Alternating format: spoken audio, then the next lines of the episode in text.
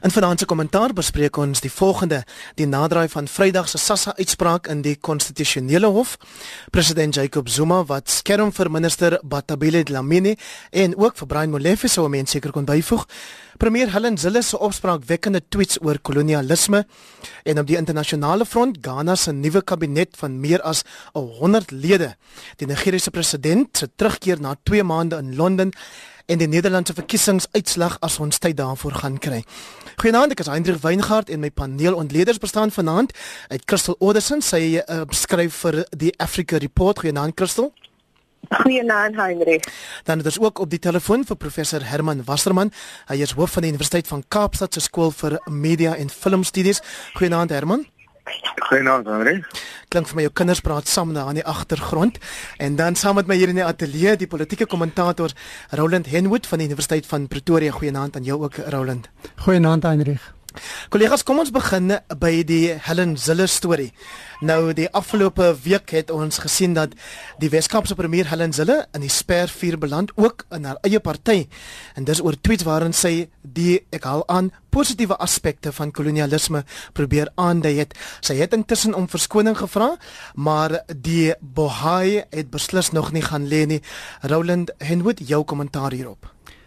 Ek dink daar's twee belangrike aspekte wat 'n mens na moet kyk ehm um, daar's baie meer, maar twee goed wat vir my uitstaan. Die een is die feit dat ons nog nie mekaar se sensitiwiteite genoeg in ag neem in Suid-Afrika. En daarmee bedoel ek nie ons moet polities korrek wees en nie oor goed praat nie. Maar ons ons is onbewus van hoe histories baie belangrike goed verskillende mense verskillend raak. En en ek dink daar moet meer sensitiwiteit daarvoor wees. Die tweede belangrike punt vir my is natuurlik moet ons oor goed praat. Maar ek dink nie Twitter is die plek en die manier om dit te doen nie. Dit dit skep altyd probleme as jy so emosionele en sensitiewe saak op daai forum probeer hanteer. Herman Wasserman, jy's 'n oud joernalis en deesdae sê jy daar by die universiteit besig om studente op te lei. So wat sê jy vir hulle wanneer so iets gebeur het? Wel, ek dink uh ten opsigte van die uh uit die media oogpunt kan mens sê dat uh, sosiale media soos Twitter dit wys nou weer eens op die gevare uh om uh, veral as jy 'n politikus is dat jy jou mond verby kan praat maar mens moet natuurlik ook vra um, is dit nie maar iets wat miskien jy hulle in van die die die, die, die as kritisie sal sê hulle en die DA wys hulle ware klere. En ek dink dit is waar om dit uiters belangrik is uh, moes jy my man om nou baie sterk stelling in te neem. En daar is verskeie eise vir hulle om um, dit in die pad gesteek te word of om te bedank en ehm um, ek dink dit is 'n uh, beslissende tyd tyd uh, tyd vir die vir die DA. Ehm um, so ja, ek dink dit is 'n baie belangrike oomblik. Crystal Oderson my manne het intussen gesê dat hy hom glad nie kan vereensalwig met enige poging om enige iets goeds aan kolonialisme te probeer heg nie. Dis nou sommer maar my eie parafrasering van wat hy gesê het. Jou indrukke? Ja, Heinrich, um, baie van my kollegas in Wes-Afrika het um, die storie geskryf van natuurlik wil mense weet in Ghana en Nigeria wat wat beteken dit dat die so 'n hoë um, DA leier dit skryf en self die regte ding doen om te bedank. So daar's drie dinge wat vir my um, uit die saak uitkom. Is eerstens mense hoor van die jong DA leiers soos um Bali en Tuli en ander wat baie kritiek um krities was oor um hulle en mense wonder wat is hulle stem in die party. Um natuurlik is alle oë op Musinai Mane en wat hy gaan doen. Um en dan ook um alle oë vir 2019. Ons weet die DA het al klaar sy kantoor in Johannesburg oopgemaak en werk kliphard vir die 2019 verkiesing en sal Musinai Mane die regte ding doen en um jy weet as hulle wil 2019 um die party wees met die meeste stemme gaan wen of hy wel um sal um dat jy weet dat Helen Zille sal moet bedank. Ek dink glad nie dit gaan gebeur nie. Helen Zille het haar um sy is nog steeds baie belangrik vir die DA en ek dink nee en ek dink sy gaan weer eens um ek dink sy gaan die die hele kwessie survive. Roland Henwood, wat is jou voorspelling? Die DA se voorsteur van hulle dissiplinêre of ek dink hulle noem dit federale regskommissie, advokaat Glenis Breitenberg, sê nou jy's Hawkeye, ons moet eers 'n ondersoek doen om te bepaal of mevrou Zille wel DA beleid oortree het voordat ons kan vra vir 'n dissiplinêre verhoor. Dit is die korrekte prosedure wat gevolg word. Ehm um, ek dink nie hier gaan niks gebeur nie. Dit maak nie saak hoe belangrik mevrou Zille is en sy is sy's premier van Wes-Kaap sy het 'n baie belangrike historiese rol in die DA sy trek definitief 'n klomp ondersteuning en en van die ondersteuning wat sy trek gaan nie noodwendig so gebelg wees oor wat sy gesê het as ander mense nie. So ek dink nie daar gaan niks gebeur nie. Maar ek dink nie dis 'n kwessie van dat sy gesê gaan word om goed moet sy goed te vat en te loop nie. Dit dit sal nie gebeur nie. Jy dalk gesien dat Pieter Bruce, die oud redakteur van Business Day, Vrydag voorspel het in sy rubriek dat hy dink hierdie voorval beteken die einde van Helen Zille as premier. Dis moontlik. Ek dink ehm um, daar's nou al dis nie die eerste keer wat daar kontroversie is nie. Dit is nie die eerste keer wat daar probleme is nie. En ek dink die DA is besig om te vestig met 'n nuwe generasie leiers wat maak dat hulle kan begin vooruit beweeg sonder om die ou generasie leiers die heeltyd te moet saamvat.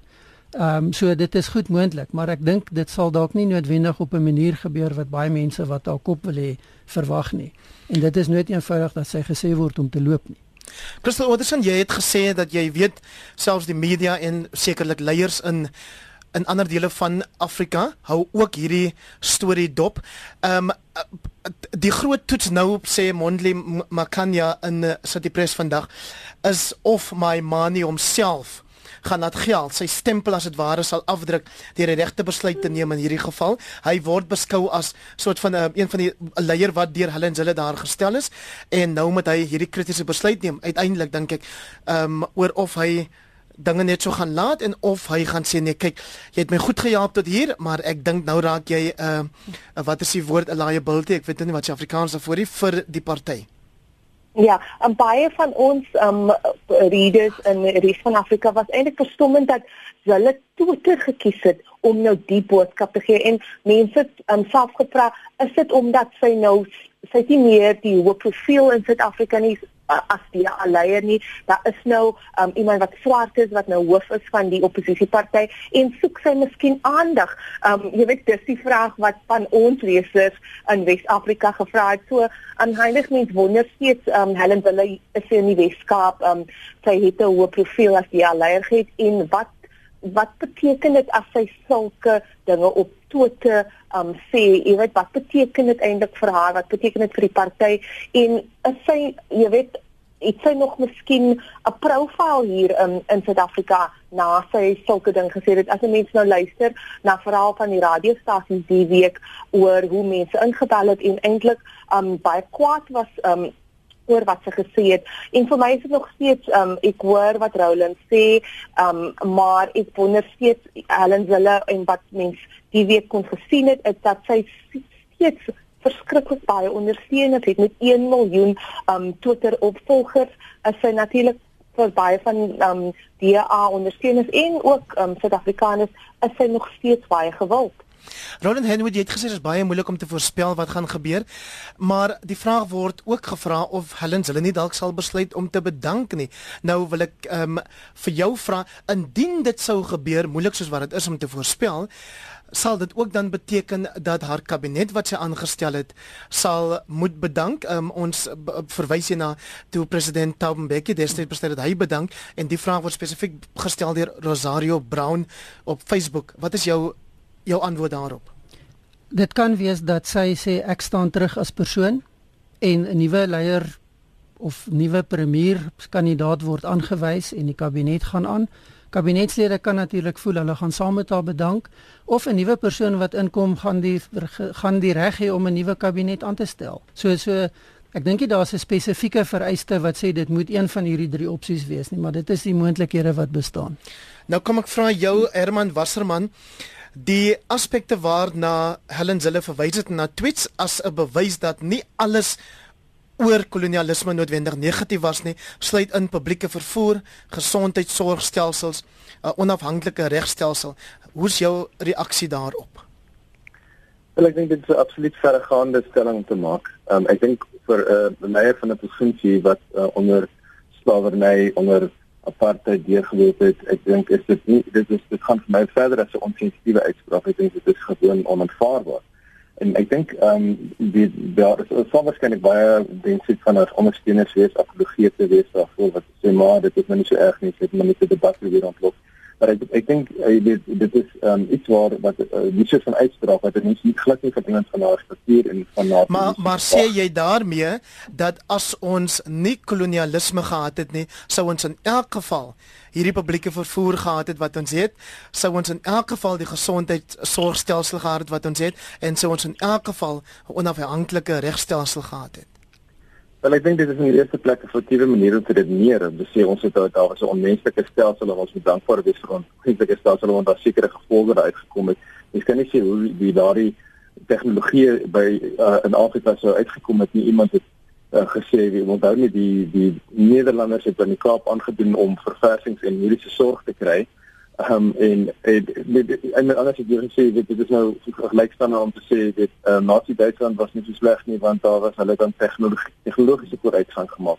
Ek wil ek dink die punt is maar net dit is 'n uh, verkeerde manier om te redeneer en te sê ons moet na die positiewe aspekte daarvan kyk en en um, die die die die, absolute onmenslike stelsel van kolonialisme en dis net daardie dit is die versag. So ek ek ek dink dit is 'n onderdagte stelling en ek dink die punt wat ek net op wil maak in opsig van die party is dat uh, dit gaan dit dit is wel so dat dit moontlik is die regering of 'n baie erg tweespalt in die party teweeg kan bring. Maar ek dink dit is ook so dat dit is 'n 'n oomblik vir die DA om homself te definieer. Die DA het dit nog steeds dink ek die pers die persepsie is daar dat dit 'n liberale witparty is om ondanks die feit dat dit 'n swart uh 'n leier het, daar's al die meer uh swart steen vir die DA en hierdie is 'n 'n oomblik. So daar dit is 'n maklike besluit tussen te neem nie, maar ek dink dit is van nou vir uh die divisionele leierskap en die die gevolge van so 'n besluit sal waarskynlik ehm um, baie pynlik wees vir die party, maar ek dink uiteindelik is hierdie 'n beslissende oomblik wat die uh, die DA sal aangryp. Christel Oderson, ek dink ons het nou genoeg oor die die DA en hoe die party hierdie kwessie gaan hanteer gepraat. So kom ons ek vra dan nou vir jou, jy hou Afrika dop. Jy's ek dink baie meer vertroud met wat gebeur in ander Afrika lande as die ander 3 van ons op hierdie program vanaand. Baie mense wys na lande in Afrika en elders as 'n teken of as 'n teken waar vooruitgang sukkel waar jy byvoorbeeld nog sien handploë word gebruik in in in steede van sinema um, masjinerie en waar jy ook nog byvoorbeeld baie gemeenskaplike markte sien teenoor inkopiesentrums waarin die ontwikkelde wêreld as ek die uitdrukking mag gebruik gewoond is. Jou reaksie kyk am um, Heinrich ja daar kan miskien um, baie shopping malls hier in Suid-Afrika wees maar jy weet mens kan in Ghana gaan stap jy kan in in Senegal gaan stap en jy kan stap met duisende rande in jou sak. Jy kan laat in die aand as 'n vrou stap en niemand gaan jou verkrag of enigiets verkeerd gaan met jou gebeur en niemand gaan jou geld steel nie. So vir my is daai die groot vraag. Mens kan praat van vooruitgang maar as 'n vrou as ek self hier in Kaapstad of in Mitchells kan loop is dit glad nie vooruitgang vir my nie um Heinrich. Roland Henwood, daar's 'n luisteraar wat per SMS die vraag stel: Is dit wat Helen Zille gesê het waar of nie? Wanneer ons land se waardestelsel gijslaar gehou word sodat politieke korrektheid die waarheid verdring, dan is ons in diep moeilikheid. Dink jy ons maak onsself skuldig daaraan vanaand? Nee, ek dink nie so nie en ek dink dis mense moet baie versigtig gaan redeneer om te sê dit is nou polities korrek. Daarom is word Helen Zille hierso eintlik uitgewys dat sy verkeerd geredeneer het. Van die implikasie van wat gesê word is mense is nie in staat om te ontwikkel en goed te doen as hulle nie gekoloniseer is nie en dit is gewoon onsin want van die voorbeelde in Afrika wat jy na kan verwys was ook gekoloniseer en hulle lyk nie so Suid-Afrika nie. So dis nie so simplisties nie, maar die implikasie, die negatiewe implikasie van dit is net kolonialisme wat hierdie goed tot gevolg gehad het dit is nie aanvaarbaar nie. Herman Wasserman, dis dalk nie so simplisties nie, maar is dit so erg soos wat Waldemar Pelser, die redakteur van rapport en ook 'n TV-aanbieder, dit stel in 'n Facebook uh um inskrywing wat hy 'n dag of twee gelede gemaak het. Hy sê die stiefpa wat jou molesteer kan nie besluit hoe sleg dit vir jou was nie. Dit is jou besluit want jy is die een wie se sin van menswees geskend en wie se fundamentele reg tot persoonlike integriteit van jou weggevat is. Net so is dit slegs swart Suid-Afrikaners se reg om te besluit hoe sleg kolonialisme was. Ja, dit is moeilik en ek dink in die eerste plek ehm um, moet dit mense nie uh, luister aan maar om uh, om om, om sê dat hulle enige persoonlike ervaring het van die maar ek dink jy kan natuurlik kyk na na die geskiedenis van Afrika, die geskiedenis van ongelykheid in 'n land soos ons en ehm um, die geskiedenis van ongelykheid, die geskiedenis van voor uh, voorskrippende geweld al die dinge wat herlei kan word na ons geskiedenis. So um, ek dink mens sou ook uh, gewoon kan kyk na empiriese feite en kan sê ehm um, die die die gevolge van kolonialisme en apartheid wat nou verweef is in mekaar het ehm um, is nog rondom ons en kan ons rondom ons sien. Christel Oderson, jy's 'n Kaapenaar, kan ek jou vra as 'n afstammeling van die mense wat die koloniseerder of die set wat se die die die Nederlandse kolonie kolonies ek sukkel maar hy woord die uh, mense wat van um, Nederland afgekom het eerste ontmoet het. Ehm um, dink jy dat kolonialisme niks goeds voortgebring het nie? Heinrich, ek dink um eerstens wil ek sê, jy weet as 'n mens kyk um die geskiedenis in Afrika as 'n mens baie van Afrika lande en jy weet mense trots op hulle geskiedenis um in mense sal vir jou sê while um the white man never survived here. Hy het teruggegaan dit was te warm in in in Wes-Afrika. So vir my dan was dit 'n belangrike punt. Um en dan tweedens dink ek jy weet as 'n vir my ek raak kwaad as ek hulle hulle se tweets sien want ek ek voel net jy weet dit iemand wat aandag soek. En natuurlik jy weet en as hy sulke um stellings maak maak dit my eintlik kwaad want um jy weet as 'n mens dink soos Herman nou gesê het jy weet Suid-Afrika is 'n land van ongelykhede ek gaan Mitchells Plain toe. Um elke dag word gelees ek oor um gangsterisme en mense wat doodgaan op die Kaapse vlakte. Dit raak nie die nuus nie. Uh, en sy is die premier van die provinsie um so vir my is dit jy weet is die kontradiksie van um prosperity wat hier in die Kaap is en aan die ander kant jy weet as jy 20 km hier van die Kaapstad weg is is dit 'n ander realiteit en so mens kan nie sê dat dis jy weet is also kolonialisme was goed vir dit. Um jy weet vir my is dit baie problematies um Heinrich dat um en dat 'n leier van 'n party wat Suid-Afrika wil wat die um hoofparty wat 2019 die land wil um beheer sulke dinge kan sê en vir my voel ek net iets moet gedoen word maar um ek wonder steeds jy weet met al haar ondersteuning in die party geval gaan gebeur. Ek sien Dani van Wyk van Kuilsrivier vra wat is Helen Zille se amptelike posisie binne die DA? Sy het geen leiersposisie nie sê hy behalwe as om premier te wees, maar ek reken dat dit maak juis van haar 'n uh, prominente figuur in die party en soos Christel nou gesê het, het sy steeds 'n groot um, groep volgelinge, um, nie net op sosiale media nie, maar ook binne die party natuurlik en die die steunbasis van die party. Ek wou nou net sommer te ongetjies gesê het dat uh, ek moet dit waarskynlik op kolonialisme blameer dat ek nie koloniseerders kon uitspreek nie. Nou kollegas, ehm um, daar's nou so 17 minute oor 8. So uh, ons gaan nou nou praat oor president Zuma en oor Batabile Dlamini die minister van maatskaplike ontwikkeling. As jy pas by ons ingeskakel het, my paneel vanaand hier op kommentaar is Roland Henwood, hy is van die Universiteit van Pretoria, dan het ons ook 'n uh, deelnemer van die Universiteit van Kaapstad en dis professor Herman Wasserman en dan Crystal Oderson, sy is 'n joernalis van die Africa Report. Nou soos wat ek nou genoem het, praat ons ook oor SASSA die uh, maatskaplike agentskap van die departement van sosiale ontwikkeling of maatskaplike ontwikkeling.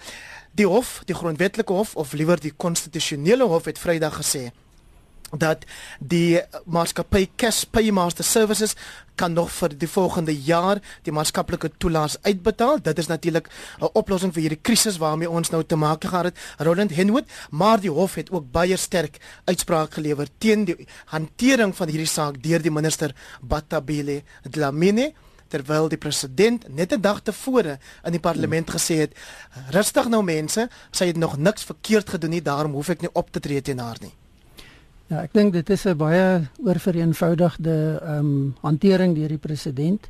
Daar was al reeds hofuitsprake voor dit gewees. Die hofuitsprake is gedeeltelik maar nie volledig nagekom nie. Die minister was nie in beheer van wat gebeur het nie. Dit is ek meen dit is 'n skreiende skande wat besig is om hier af te speel. En baie belangrik is wat die hof uiteindelik bevind het is dat die president gaan nie toesig hou oor hierdie proses soos wat hy nou aangekondig het nie die konstitusionele hof gaan toesig hou oor die proses. Dit maak nie saak wat die president en ander lede van die kabinet nou doen nie. Daar moet 'n 3 maandelikse verslag gedoen word. Die hof is nou in beheer van hierdie proses. En dit is 'n groot krisis in in Suid-Afrika dat die konstitusionele hof moet op die vlak wat nou vereis word toesig hou oor wat die uitvoerende gesag doen om seker te maak dat basiese funksies van die staat nagekom word. So ek ek dink hierdie is 'n baie groot gebeurtenis en is 'n groot politieke krisis in die ANC en rondom die leierskap in die ANC. Al dink die president nie noodwendig so nie. Herman Wasserman, dit word deur sekere ontleeders en selfs die media genoem die grootste krisis waarmee hierdie land na 1994 te maak gehad het. Ja, ek dink dit is die potensiaal wat ons gesien het ek, as die ehm um, toelaat nie uitbetaal word nie, dink ek is uh, natuurlik enorm. Ek dink dit is ook 'n goeie voorbeeld van hoe ehm um, dat die Afrikaanse woord vir spin is nie maar hoe politieke ehm um, kommunikasie gebruik word om uh, ook mense uh, raad vir die oor te draai om te sê nou ja ons het ons gesê die uitlaag gaan um, uitbetaal word ons het hulle nie in die steek gelaat nie. Ehm um, ek dink dit is ook 'n tipe arrogansie van uh jy weet aan aan die kant van die regering om om te sê dat uh jy weet kom ons maar vertrou dit nie. Dit is uiteraard 'n uh, groot krisis en ehm um, dit is uh, baie sterk aanklag teen die regering dat hulle dat soos ehm um, hulle het net gesê dat die uh, hoogmetiese hou oor basiese funksies in die staat. Christel Oderson hoe reageer die res van Afrika op hierdie storie dat 17 miljoen Suid-Afrikaners maandeliks 'n toelaag van die staat ontvang terwyl ander Afrika lande dalk veel armer is? Veel armer handig en dit is die grootste welsynsprogram um, in Afrika. So jy weet ander lande kan dit glad nie bekostig nie. Um so jy weet daar was skop dat die minister um, Batapile Dlamini kon wegkom so te sê en dat 'n uh, hof uitspraak vir haar moet um, gesê dat daar wel checks and balances moet wees. Wat interessant is vir my Heinrich, um, 3 jaar gelede het um, ek 'n dokumentêr van die Black Sash gedoen en um Liesel van der Merwe van die Katte Vryheidsparty het daai tyd al gepraat oor jy weet wat aangaan in Sassa en vir my is dit nou interessant om te sien dat jy weet 'n paar dae gelede was Lunka Olifant so arrogant um, met die media en nou um, met haar minister probeer hulle dit die media um, spin en so te sê dat dit nie eintlik haar fout was nie en sy blameer nou self um, die hoof van Sassa en ook um, ek sien um, minister Jeff Gadebe word nou ook geblameer um, en mense vra nou waar is die checks and balances. So um, eintlik so die groot vraag is jy weet wat gaan gebeur met Patapile Dlamini um, en die antwoord kan moontlik wees wel sy is hoof van die vroue liga en sy is um binne in um Zuma se um, Jacob Zuma se kamp. So daar gaan nie veel met haar gebeur nie maar ek dink die hof uitspraak sekerlik moet iets jy weet dit gaan iets beteken vir die ANC en um en ook wat dit ook beteken mens sien nou Ellen Gray wat um uh, 15% in net 1 het. Jy weet vra ook nou die vraag oor Serge Bellamont um jy weet wat so baie arrogant vir ons gesê dat miskien moet ons duiwe gebruik om die geld vir ons 17 miljoen mense te gee. En so dit um dit jy weet ons mense vra vra ook die vraag oor um die etiese um verantwoordelikheid van maatskappye hier in Suid-Afrika en um 'n maatskappy so CPS en 'n Net1. Herman Wasserman maak dit vir jou enige verskil dat die minister nou onvoorwaardelik om verskoning gevra het? Wel, ek dink jy moet dit seker daarom toegee dat daar 'n uh, dat as jy verskoning gevra het, dat die verskoning is om is daar is politieke baster is, is 'n ander vraag. En ehm um, maar ek dink uh, dit is mens moet miskien daarvoor uh, waardering hê, maar daar sy staan natuurlik nou nog voor die groot vraag of sy persoonlik verantwoordelik gehou gaan word vir die koste. So dit is uh, iets wat ons nog sal moet sien wat wat hoe waar reaksie daarop gaan wees en ehm um, en dink dat die ware toets van die van die apologie is is, is hoe se daarin gaan verweer. Roland Henwood die Sunday Times vertel ons vandag dat die ANC se integriteitskomitee wel na die geval Batabile Dlamini kyk. Ja, ek dink daar's baie meer probleme rondom die persoon en die gebeure as wat net eenvoudig sy vra om verskoning en nou gaan sy toesig en sorg dat dinge regloop. Hierdie is 'n ongelooflike belangrike program vir die ANC, die die welsynstoelaag. Dit is wat die vlags een van die vlaggenskap programme van die ANC. Want dit is wat die die ANC se idee en se beleid en se standpunt dat hy vir die armes en die onderdruktes opkom lewe gee. En dit word op so 'n manier hanteer asof dit nou maar net nog 'n ding is wat gedoen moet word en iemand moet dit nou maar doen. Ek dink daar's 'n groot probleem en as 'n mens gaan kyk na die reaksie van die ANC as party op hierdie proses, dan is dit baie duidelik dat hulle nie saamstem met die president van die ANC en die uitsprake oor hoe dit hanteer moet word nie. So ek kan dink dat dit geweldige spanning skep, dat dit bydra tot die konflik in die ANC en dat ons lank nog nie die laaste hiervan gehoor het nie. Crystal Anderson en soveel as wat minister Batabile Dlamini die president is van die ANC Vroue Liga en groot steun binne die party dalk geniet is dit sodat die grondwetlike of die konstitusionele hof jammer nou ook gelas het dat sy moet verduidelik waarom sy nie persoonlik verantwoordelik gehou moet word vir hierdie hof onkoste nie. Ja, hulle gaan as mens sien jy weet dan dan sê sy net wel ek het nog steeds tot die einde van die maand om te verduidelik wat gaan gebeur en die SASSA hoof. Jy weet sy blameer vir almal en tog is sy die politieke leier van die departement en sy het ook geweet, um jy weet omdat ek saam met Blacksash gewerk het die afgelope 3 jaar, weet ek dat jy weet daar was checks and balances die um jy weet die um verskillende soos Zain Dango, Diane Dankeli, jy weet senior leader lede um in die departement en in SASSA, jy weet hulle was almal was bewus van dit. So vir my die vraag nou is Heinrich, was daar iets anders aan die gang? Was daar um jy weet 'n moontlik mens wil nie sê 'n sinistere um jy weet kan 'n sinister storie nie maar was was dit nou deel van die laaste um grab so te sê jy weet van die laaste state capture um wat wanneer mens hoor legal van the matter sê dat is dit dat um CPS betaal vir Lamini Zuma se um jy weet se kind of political um comeback in haar um jy weet haar um campaign. Jy weet in dis belangrike vraag ek dink um jy weet ons dit ons gaan nooit weet eintlik wat wat regtig um jy weet die die um die rede is vir dit maar jy weet dat Pile Lamini is die leier van haar departement en sy het geweet die dinge gaan aankom eintlik so jy weet dit weer eens moet die hof inge jy weet so te sê gesê het dis nou verkeerd en jy moet dit doen en um was dit nou nie vir Black Sash en vir Freedom Mandaloni dan sou ons ook nog nie dit gehad het nie. Herman Wasserman, die leier van die IDM Bantolomisa sê ook dat hy het of hy weet dat minister Dlamini glo by 'n begrafnis aangekom het met 'n helikopter wat deur CPS gehuur is en so is daar 'n klomp ander beweringe ook oor die verhouding tussen die minister en CPS. Hoe maak jy sin uit dit dat daar aandrang was by die minister dat hierdie maatskappy aanhou gebruik word? Ja, mens uh, weet dat dit loont die feit dat uh, daar so absolute aandrang daar was en dit sê glad nie um wel besig daaroor nie.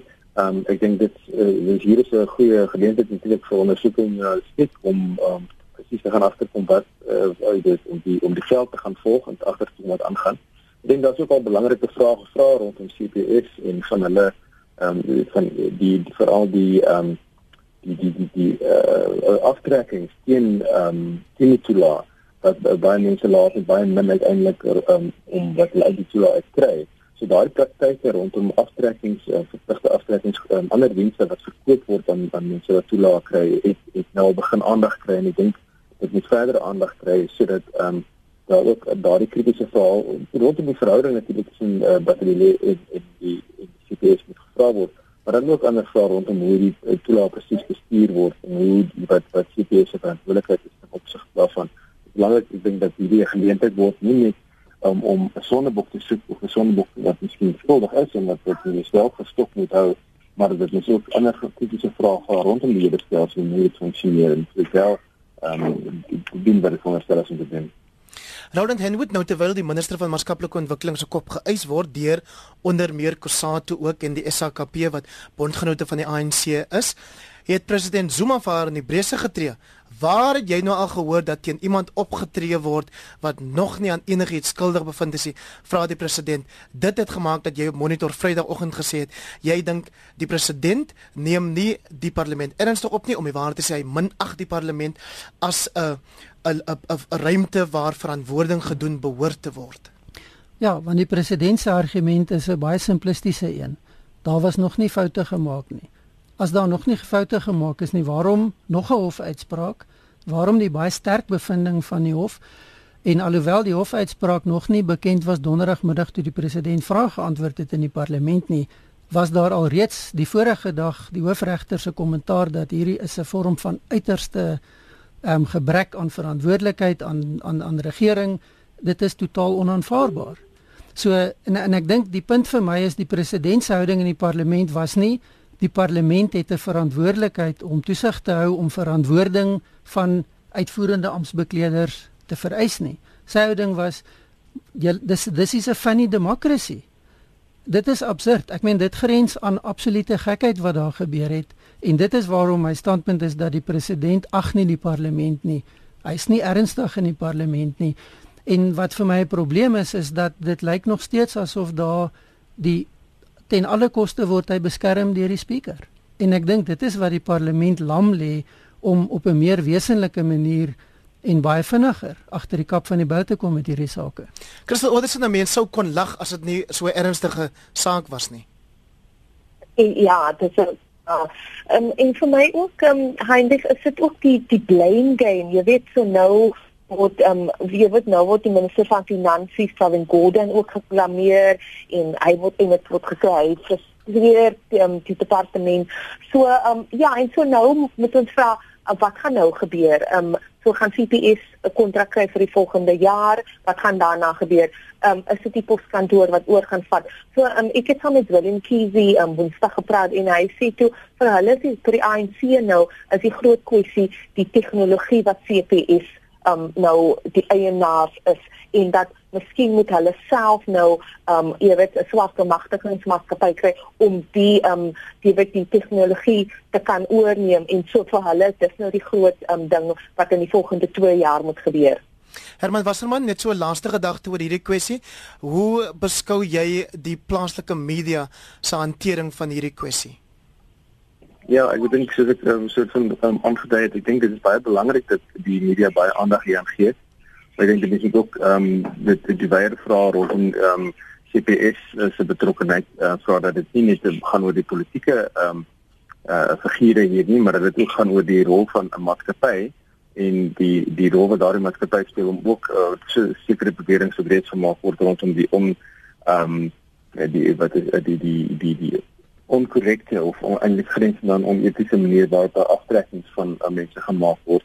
Dan word dit gaan ook oor die bedryf wat ehm um, die basiese privatisering ook van 'n uh, uh, regeringsfunksie en wat in daardie proses skeefloop. Ek dink die die media moet behoort nog verdere aandag daaraan ook te gee. Maar ek dink dit is heeltemal reg dat dit kollig ook op die regering val van die eerste plek die regering val, maar dat dit hierdie ander weier vra ook gevra word.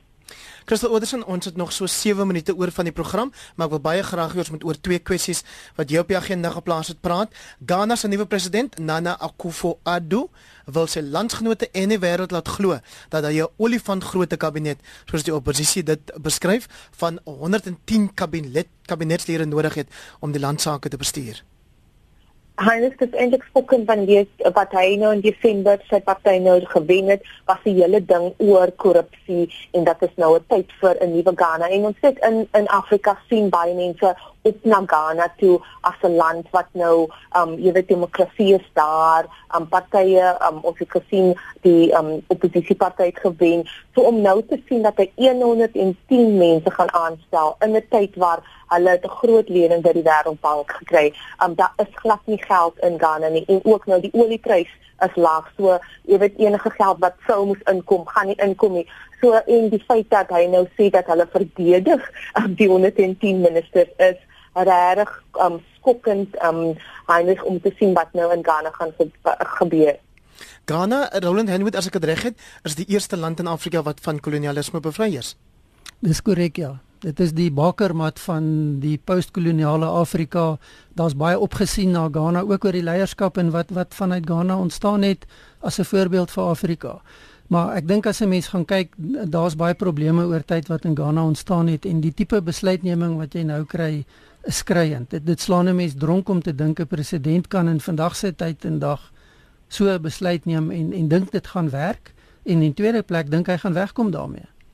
Herman Wasserman, sommige regeringsdepartemente het 4 ministers met adjunkministers en dan is elke kabinetslid natuurlik geregtig op amptmotors, opgeknapte akkommodasie, aftreevoordele en en en. Wat sê jy daaroor? Ja, ek dink ook jy het verdere probleme natuurlik wat so 'n groot kabinet ehm um, signaleer is dat ehm um, dit so politieke aanstellings wat gemaak word dit ons ook uh rondom vriendskappe en sogenaamde ehm um, patronisme ehm um, van uh, wat mense ook ook hier in uh, by ons hierdie lande sien is dat daar allerlei gunste is wat dan ehm um, basies gedoen word aan mense wat die president uh terwille is. En ek dink daardie uh soort van politieke speletjies is is waar oh, dis behalwe die koste wat natuurlik 'n belangrike faktor is is ook nie die vraag sal watter tipe van politieke verhoudinge skryf uit voort uit so groot kabinet Christo Oderson sê net gou vir ons in twee sinne as jy kan wie is Nana Akufo-Addo Hy is die voormalige minister van um in um buitelandse sake. Hy praat vlot Frans en sy familie is deel van die um political dynasty in Ghana en hy het um, meer as 3 keer probeer om president te wees en hy het in Desember toe gewen. Um hy um hy is deel van die politieke elite en sy hele ding en sy um verkiesingsveld tog was oor dis tyd vir 'n nuwe Ghana, Ghana se oop vir besigheid en dat dit nou tyd is vir 'n nuwe begin vir Ghana, Heinrich. 'n Nuwe begin vir Ghana, Roland Henwood met 'n skuldlas van 400 miljard rand. Dis die probleem. Nou word daar staat gemaak op lenings uit die buiteland en dan as jy so groot kabinet het, hoe neem jy besluite? Op watter tyd neem watter persoon watter besluit. Politici het almal hulle eie idees dit gaan konflik skep dit is 'n hoogs oneffektiewe model. Dis nie 'n baie groot ekonomie op die stadium nie. Ehm um, Christel het reeds verwys na die probleme. As 'n mens dit vergelyk met van jou grootste state ekonomie in die wêreld dan sit jy met 20 27 as dit so baie is in meeste van hulle dis nie nodig nie wat waar's al die ander mense wat goed moet laat gebeur. So hierdie is 'n resep vir 'n groot ramp wat gaan afspeel. En dan na Nigerië, Crystal Oderson president Muhammadu Buhari wat na 2 maande in Londen teruggekeer het na sy land. Hoe het dinge in Nigerië ehm um, wel, hoe is hoe is die land regeer in sy afwesigheid? Ja, nee kyk, um, sy visie-president Yemi Osinbajo was um jy weet het oorgevat en hy het um in jy weet hy probeer sy eie um jy weet sy eie visie vir die land hê, maar natuurlik um um Buhari is 'n groot um jy weet groot figure in in die land. Maar so die vraag nou is, jy weet vir hoe lank gaan Buhari nou nie weer Londen toe nie vir amper 100 dae. Um hy het dis 'n lang tyd en jy weet is dit moontlik is 'n baie die belastingbetaler het, het befonds daai hospitaal in Londen. En so die saak word ook nou gevra, jy weet van die um jy weet baie van die leiers gaan Londen toe vir hulle behandeling en wat van Nigerië en al die geld wat um, die belastingbetaler moet um, betaal en befonds en natuurlik vir hoe lank jy weet want natuurlik is die oppositiepartye vra nou jy weet wat is eintlik verkeerd met Buhari en die Nigeriese media jy weet hulle is baie lief om um, al die verskillende rumors te skryf oor het hy miskien kanker en vir hoe lank gaan hy nog um, staatspresident wees en gaan die vice-president Jimmy of baie nou die nuwe president is. En ons weet ook omdat um die religion is 'n baie belangrike kwessie in Nigerië um 'n 'n moslim leier 'n uh, 'n Christen vice-president en omdat ons weet in die verlede het die voormalige president was siek vir 'n lang tyd en hy het dood gegaan en dis hoekom um, Goodluck Jonathan eintlik die president geraak het. So um, Nigerië is baie sensitief oor oor die storie Herman Wasserman, maar ek kan nou nie help om te dink aan die feit dat die Nigeriese president oor see moet gaan vir mediese behandeling en as jy dit vergelyk met die goeie se goeie mediese sorg uh dienste wat ons hier in Suid-Afrika het, 'n uh, 'n uh, oud 'n koloniale land of liewer 'n land wat gekoloniseer is, is dan is daar dalk 'n punt in wat hulle in hulle gesê het, maar tweede is dit nie so nie.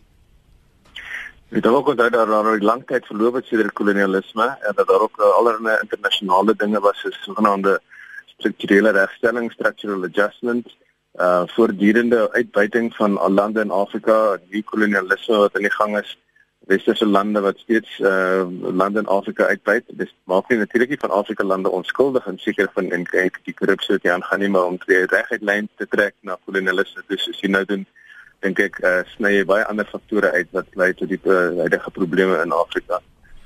Ek kan vaar dit so. Roland Henwood kan ek jou in Nederland toe neem daar het ons hierdie afgelope week 'n verkiesing gesien en ons het gesien dat premier Mark as dit Mark Rutte gewen het teenoor die nasionalistiese anti-islamitiese aanslag van Geert Wilders. Jou indrukke? Ek dink twee goed. Ja, Mark Rutte het nog steeds gewen, maar dit is 'n gekwalifiseerde wen. Hy het redelik ver teruggesak in vergelyking met die vorige verkiesing. Wilders het heelwat beter gedoen as in die vorige verkiesing en wat dit vir my beteken is dat Ons sien fragmentering in die Nederlandse politiek en en dit gaan oor sake soos migrasie, maar dit gaan ook oor ekonomiese beleid en wat mense in Nederland beleef. Dit gaan oor aanpassings wat Rutte gemaak het in sosio-ekonomiese beleid wat Nederlanders nie meer tevrede is nie. Ek dink dit is 'n simplistiese argument soos wat jy sien in sommige media nou wat sê die populistiese ehm um, dryf in in Europa is, is nou gestuit. Dit is nie waaroor dit gaan nie. Dit gaan ook nie net daaroor nie. So wat 'n mens eintlik hier sien is 'n verdere fragmentering in die politiek wat eie is aan Nederland, maar ek dink dit dit word 'n stapie verder geneem. En die moeilike ding nou na daai verkiesing is hoe word 'n regering saamgestel? Watter partye gaan deel wees want dit gaan nie die vorige koalisievennote wees nie. So daar's 'n tyd van onstabiliteit en onsekerheid in Nederland. Ehm um, ek dink nie dis die einde van Wilders nie. Ek dink ook nie dis noodwendig die begin van iets nuut in Nederland nie. Dit sê vir mense daar's baie spanning, daar's baie onderliggende strominge en dit speel uit in die politiek. Christel Oderson 30 sekondes asseblief. Kan jy vir ons sê hoe die media in die res van Afrika hierdie verkiesing gedek het? Ja, daar was eintlik baie um, um, mense wat baie geïnteresseerd in wat in Nederland aangaan. Um, as 'n student wat in Nederland gestudeer het, was ek ook baie geïnteresseerd. Maar ek het geweet die Hollanders gaan mense disappoint nie en dat um, jy weet die Wilders nie gaan wen nie. So um, baie jy weet so I mean think generally was mense baie gelukkig oor um, wat nou gebeur het wanneer mense jy weet voel net angs oor die post-Brexit, post-Trump en so um Holland het nou daarom iets uh, jy weet die kiesers het gewys dat um hy nog steeds sal besluit wie um in charge moet wees. Herman Wasserman, um my kollega verloots gee vir ons nog 20 sekondes dat jy kan sê um hoe belangrik jy reken die uitslag in Nederland vir Suid-Afrikaanse luisteraars van hierdie radiostasie is. Maar ek dink dit is groot verligting internasionaal gewees om dit te sien uh, dat daar nie 'n uh, uh, skerp swinery is nie. Maar ek dink as Roland ook uitwerk dat dit baie nog so gaan na die onderstrominge um, sal daar is nog steeds daar en daar's nog steeds kommerwekkende aspekte en nie net in Nederland nie in die res van Europa. So dit is definitief iets waarna ons nog moet uh, ons bietjie so hard moet vashou om te kyk wat in Europa gaan gebeur. Baie dankie dit was professor Herman Wasserman wat vanaand saam met Roland Henwood en Crystal Oderson my gaste was hier op kommentaar